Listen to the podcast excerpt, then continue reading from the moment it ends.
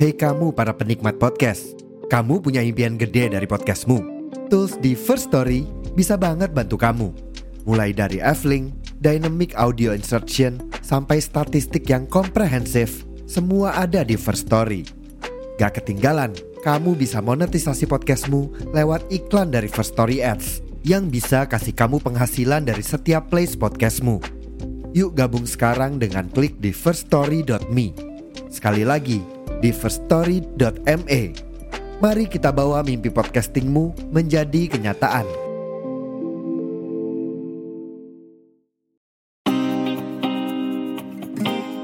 Halo, selamat datang di podcast Komik Indo.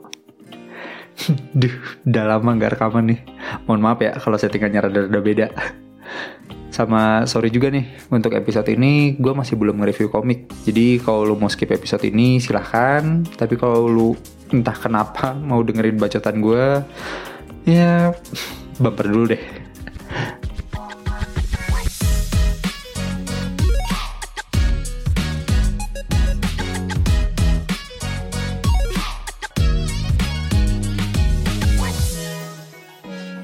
Oke, jadi anggap aja ini episode intro buat season 2. Cila. Intinya gue mau ngasih tahu aja sih beberapa hal, mulai dari rekap season 1, terus kebimbangan gue buat season 2 ini, dan juga sedikit rencana yang kepikiran sama gue ke depannya.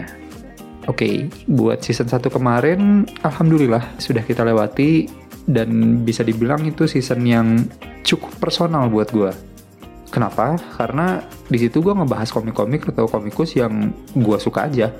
Bodo amat mau komiknya udah belasan tahun atau berhenti produksi dan gak dilanjut lagi.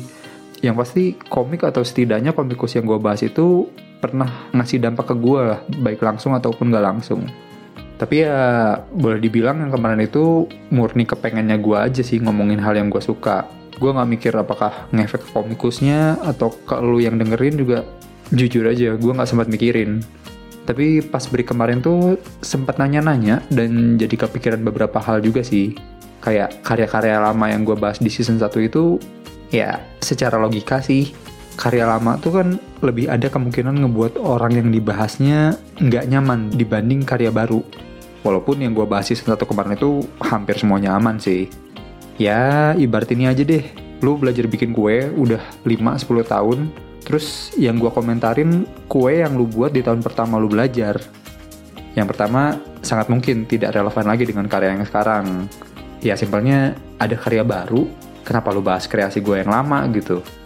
Dan yang kedua, sekalipun ya somehow nih, misal ada satu orang yang mau ngebaca karya komikus yang abis gue bahas.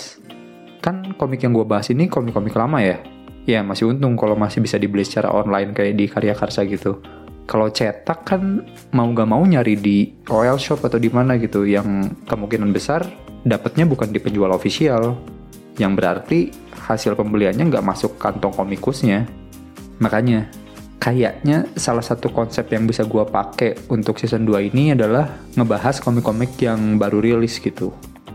Tapi kemungkinan downside-nya adalah gue akan rada kekurangan materi tambahan atau second opinion kalau komik lama kan biasanya udah ada tuh yang bikin reviewnya ya tadi blog, YouTube atau komentar di medsos gitu. Ya, gue kan ngolosnya sendirian ya. Jadi gue kadang takut terlalu subjektif. Kalau misalnya ada partner kan bisa saling tukar pikiran tuh. Nah, gue selama ini mensiasati tukar pikirannya ini dari baca-baca atau lihat review orang gitu.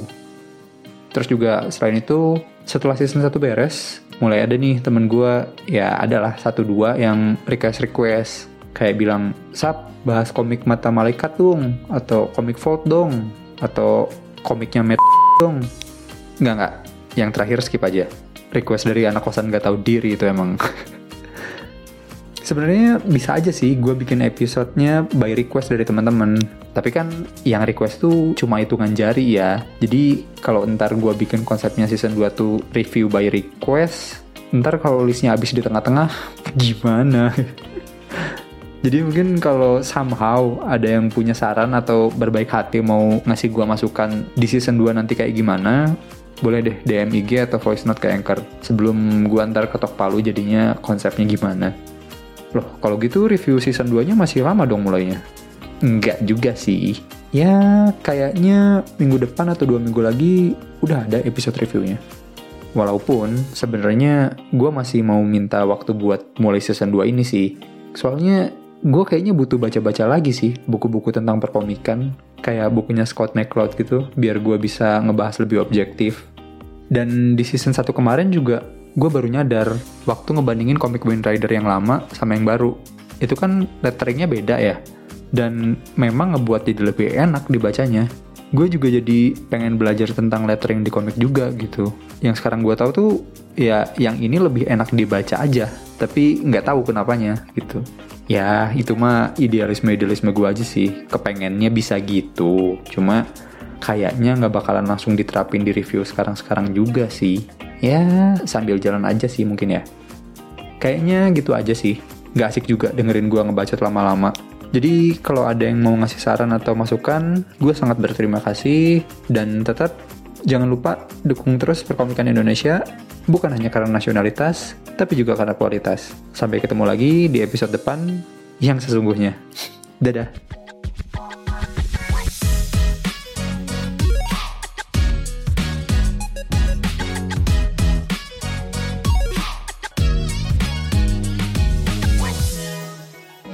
Side notes.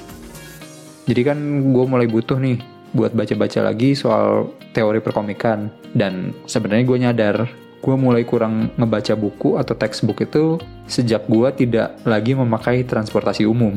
Karena waktu sekolah dulu tuh gue selalu ngebawa buku dan dibaca pas pulang dan pergi. Nah, makanya awal Januari kemarin tuh gue mau mencoba lagi pakai transportasi umum. Walaupun secara hitungan lebih mahal dikit sih, tapi nggak apa-apa lah, karena gue kan harus nambah referensi bacaan lagi ya. Ya lumayan lah, 30-45 menit perjalanan gue pakai baca. Daripada cuma megang stang atau setir sambil ngeliatin jalan ya kan. Eh, tahu nggak? Pas gue udah datang ke terminal, udah siap bawa buku buat di bis, ternyata bis di Bandung tuh lagi mau ada pergantian dari bis biasa ke bis yang pakai mesin listrik dan armadanya nggak beroperasi sampai waktu yang belum diketahui. Bedebah, ada aja kejadian macam gini tuh.